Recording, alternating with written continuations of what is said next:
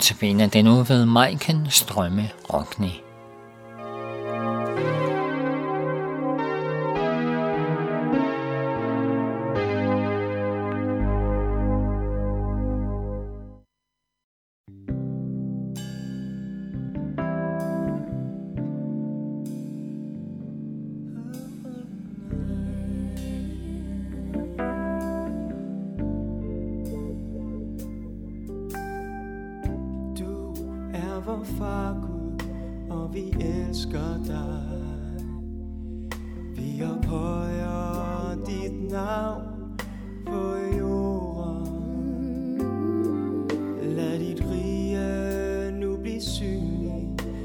I vor. Og dine mægtige ord i os bo. Ære være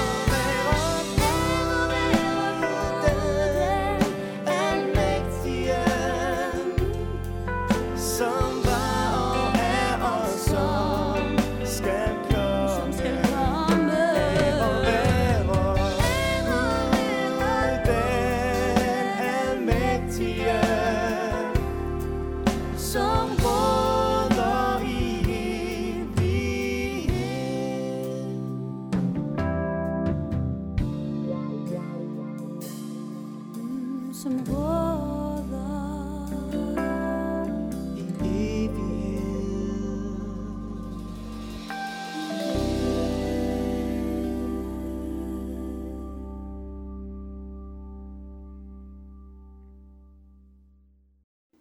Guds hvorfor.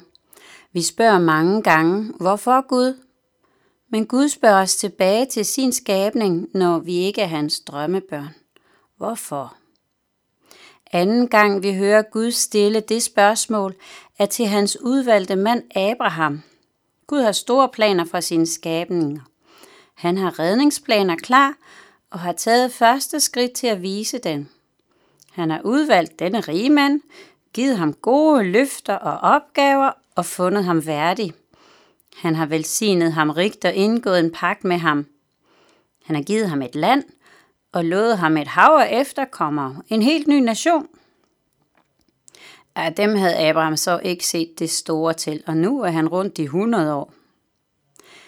En dag kom Herren så på besøg hos Abraham sammen med sine engle, og Abraham er vældig beæret og vimser glad rundt om sine gæster, får organiseret et festmåltid i en fart og giver det bedste, han har. Så spørger Gud til Sara, konen, øh, hvor er hun? Det ved Gud da udmærket, men han spørger alligevel. Jo jo, hun sidder inde i teltet og er i fuld gang med at forberede måltid til dem. Så kommer Herren med endnu et løfte til Abraham. Næste år kommer jeg igen, og så har I en søn. Nej, lad være, tænker Sara og lærer ved sig selv. Og Herren, som kender hjerterne, siger, Hvorfor ler Sara og tænker, skulle jeg virkelig få børn nu, da jeg er blevet gammel? Intet er umuligt for Herren. Næste år ved denne tid kommer jeg tilbage til dig, og så har I fået en søn. Man fornemmer, at Gud er lidt træt i betrækket. Hvorfor tror de ikke på mig? Han gentager sit løfte for Abraham. Basta, sådan bliver det, for sådan har jeg bestemt det. Jeg ved, og jeg kan. Der er intet, jeg ikke kan. Tror du ikke på det, så bare se om et års tid. Den, der lærer sidst, lærer bedst. Jamen, jeg lå ikke, indskyder Sara, men Gud lader sig ikke køre om hjørner. Jo, jo, du lå. Nu skulle man jo tro, at den hellige Gud ville sende lyn ind og ændre sin forhavne på grund af den vantro, han møder igen og igen hos jordboerne. Men nej, Gud siger tingene, som de er. Jo, du lå. Det ved du, og det ved jeg. Men hans plan fører han ud uanset. Guds nåde rækkes til de vantro. Guds barmhjertighed rækkes ud til os ondsindede jordboer, der ikke har fortjent ham. Gud elsker os på trods af vores mangel på kærlighed til ham. Han er fantastisk og viser netop i sin væren, at han er kærlighedens fuldkommende væsen. Han kommer for at give liv og give liv i overflod. Guds plan var meget større end at en barnløs familie skulle blive velsignet med et barn. Guds plan var på verdensplan, fantastisk og storslået og langt ud over, hvad jordbor kan forestille sig. Guds plan om at skabe en slægt, der kunne vise hans almagt. En slægt, der kunne give liv til Guds ultimative trumfkort, Messias, der 2000 år senere skulle vise Guds almagt. Guds kærlighed og Guds, Guds mysterium. At det svage skulle vinde over det, der til sydenladende ser så stærkt ud. Som Gud kom til Sara og Abraham, kommer han jo også til andre barnløse par. Gabriel blev sendt til for eksempel Zacharias og Elisabeth, der også var barnløse i en høj alder. Deres barn var også en del af Guds mysteriøse plan. Johannes som sidste mand før Jesus, der skulle gøre vejen klar for Guds iscenesættelse af hans søn. Også Zacharias møder de gode nyheder med mistro. Det er som om jordboerne er blevet farvet af håbløsheden i sådan en grad, at det gode Gud rækker ud til os er dybt utroværdigt. Faldet, som Adam og Eva trak os alle ind i, har sortnet vores øjne, som mistro nu af vores natur. Derfor Guds hvorfor.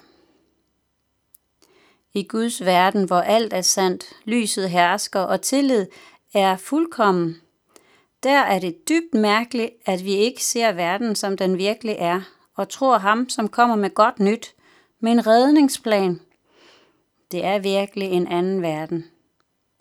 Det er som om Gud elsker at triumfere ind i mørket alligevel. Samtlige af hans udvalgte folks stamfædre har problemer med barnløshed.